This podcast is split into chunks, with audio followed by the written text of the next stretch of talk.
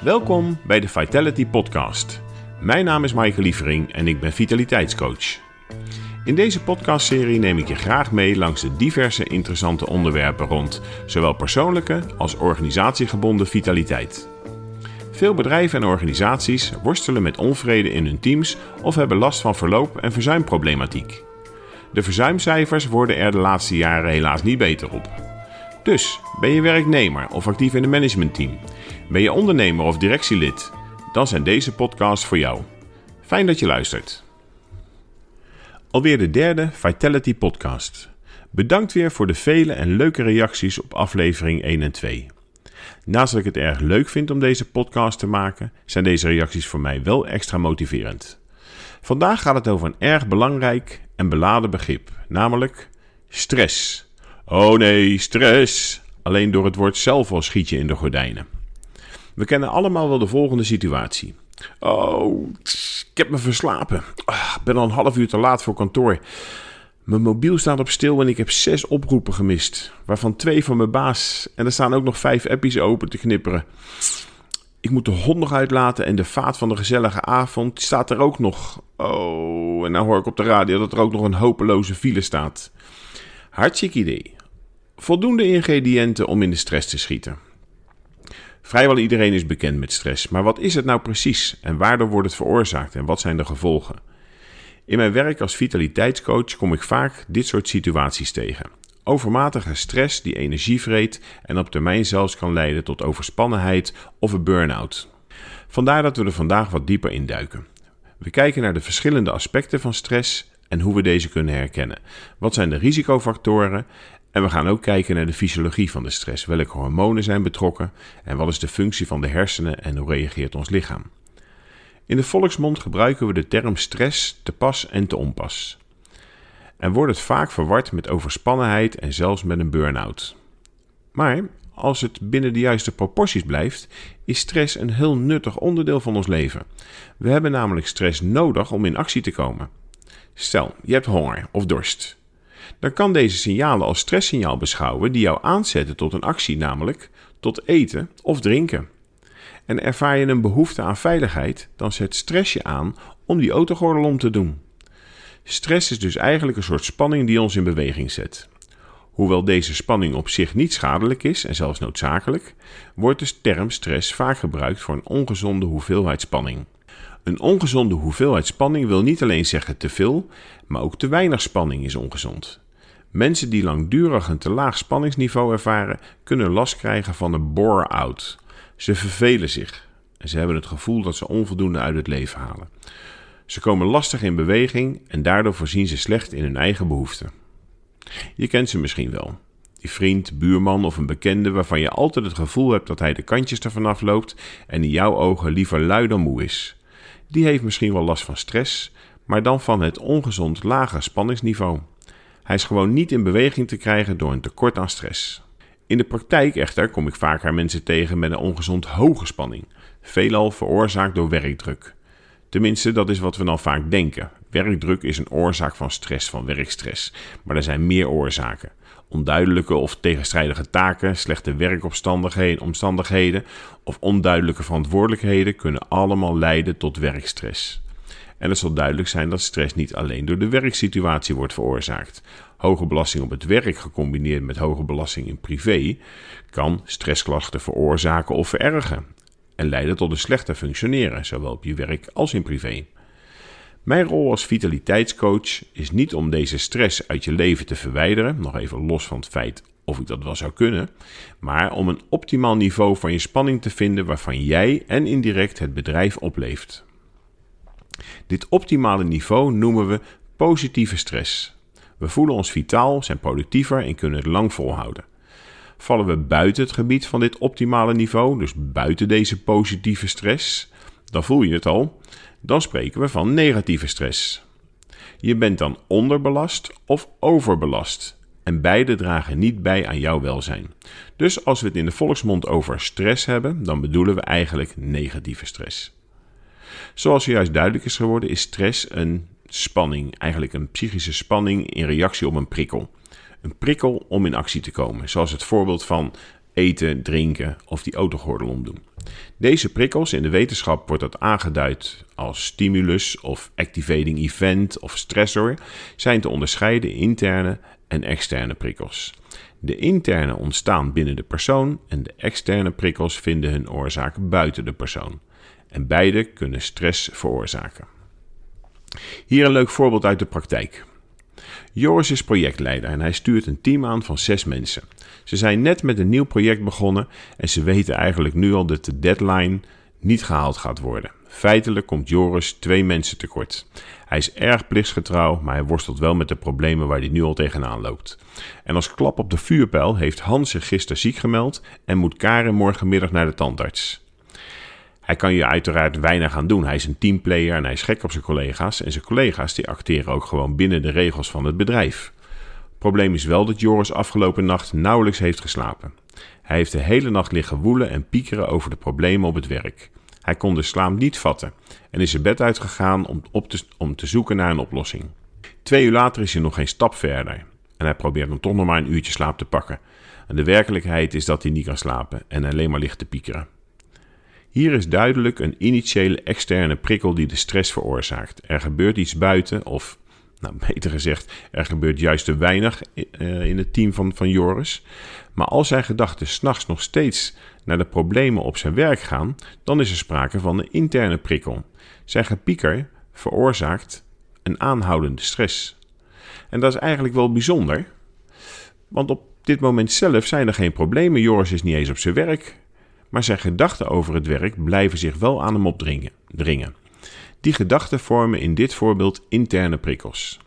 Dus vaak is het ook niet de aanleiding zelf, de externe prikkel, maar je gedachten over de situatie, de interne prikkel, die negatieve gevoelens en, en, gevolgen veroorzaken. Toch kan Joris zijn gedachten niet zomaar stopzetten. Iets dat ons allemaal wel overkomt. Uh, piekergedachten, piekeren. Ja, dat kan, kan zich aan ons opdringen. Zonder dat we ervan eh, bewust zijn. Gelukkig is het stoppen of het verminderen van piekengedachten wel een vaardigheid die Joris en wij kunnen leren.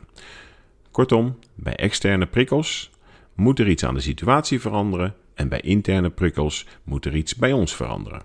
Soms kan je er meer van hebben dan anders en andersom. Het ervaren van stress is afhankelijk van de situatie. Er zijn fases in je leven waar je ogenschijnlijk alles aan kan, maar het is een illusie om te denken dat mensen altijd op hetzelfde niveau kunnen functioneren. Stress is ook afhankelijk van draagkracht en draaglast. En daarbij gaat draagkracht over de belastbaarheid van jou als mens, hoe sterk ben je, en draaglast gaat over de ervaren belasting, hoe zwaar is die last nou eigenlijk.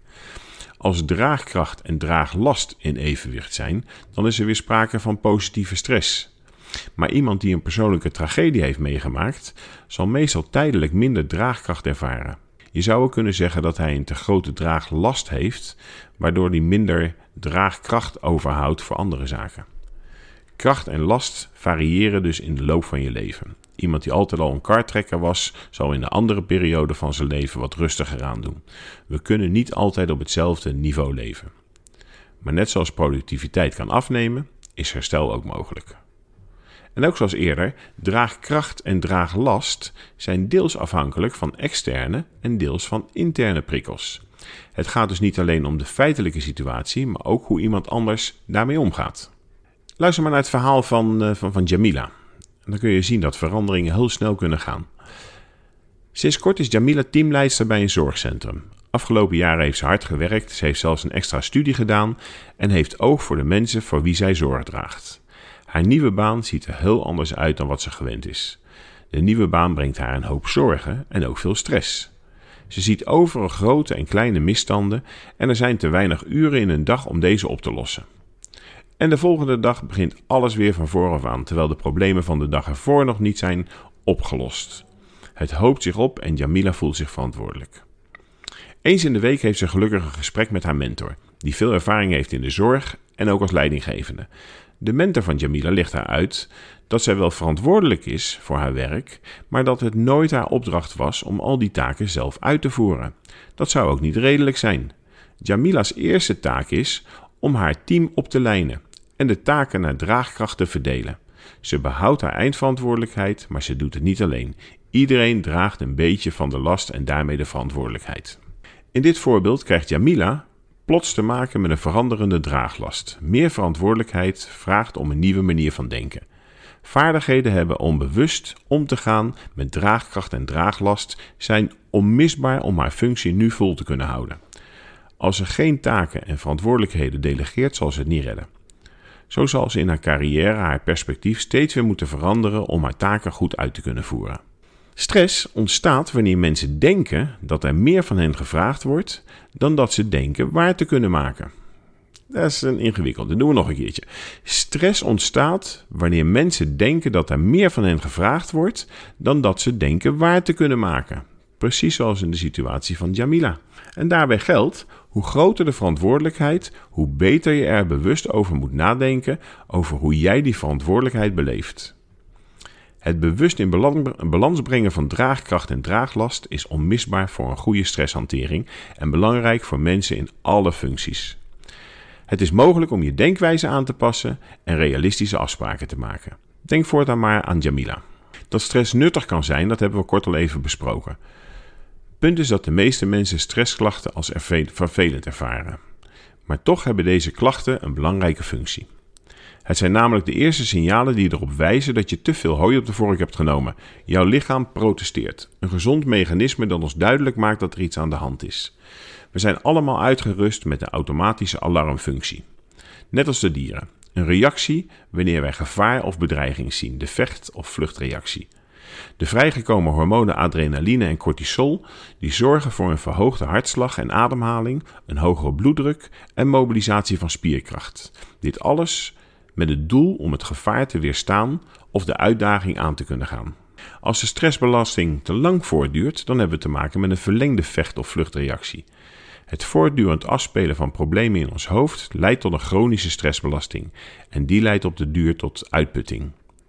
Die zich uit in fysieke, mentale en emotionele symptomen. Deze signalen van ongezonde stress kunnen zich bij ons op vier manieren uiten: fysiek, psychisch, in gedrag en in onze gedachten. Fysieke of lichamelijke signalen hangen samen met de verhoogde lichamelijke activiteit die optreedt bij stress. Er treden veranderingen op in het bloedvatenstelsel, in het hart, de ademhaling, de spieren en het maag-darmkanaal. Het kan ook ons afweersysteem aantasten, waardoor we vatbaarder worden voor bijvoorbeeld verkoudheid, griep en andere ziekteverschijnselen. Psychische signalen door ongezonde stress kunnen zichtbaar en voelbaar worden in je stemming of je gemoedstoestand. Veel gestreste personen die hebben bijvoorbeeld, of die zijn bijvoorbeeld uh, prikkelbaar en cynisch. En gedragssignalen kunnen we bijvoorbeeld zien als prikkelbaarheid en het cynisme leidt tot conflicten met anderen. Lusteloosheid en somberheid kunnen dan ook weer zorg dragen dat iemand sociale contacten gaat mijden. En tot slot, de gedachtensignalen ontstaan omdat ongezonde stress vaak negatieve gedachten veroorzaken. Deze negatieve gedachten kunnen zich richten op anderen, maar zijn vaak ook gericht op jezelf en je eigen kwaliteiten. Zo zien we dat chronische stressbelasting tot hele grote problemen kan leiden met de nodige impact op je werk en op je privéleven. Stress, het is maar een klein woordje, maar we kunnen er heel veel last van hebben. We kunnen er ook nog uren over kletsen en uitweiden. Ik wil jullie graag nog wat verder meenemen in de fysiologie van de stress en de relatie van stress en hormonen. Maar omwille van de tijd doe ik dat graag in de volgende aflevering.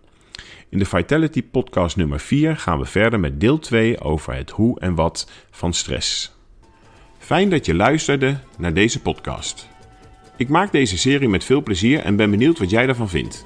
Laat even een review achter en abonneer je op deze serie. Klik in je podcast-app op de button abonneren. Dan kan je mij eenvoudig blijven volgen. Meer informatie over onze werkzaamheden kan je vinden op de website outscape.nl. Heb je ideeën of suggesties? Laat het mij dan even weten.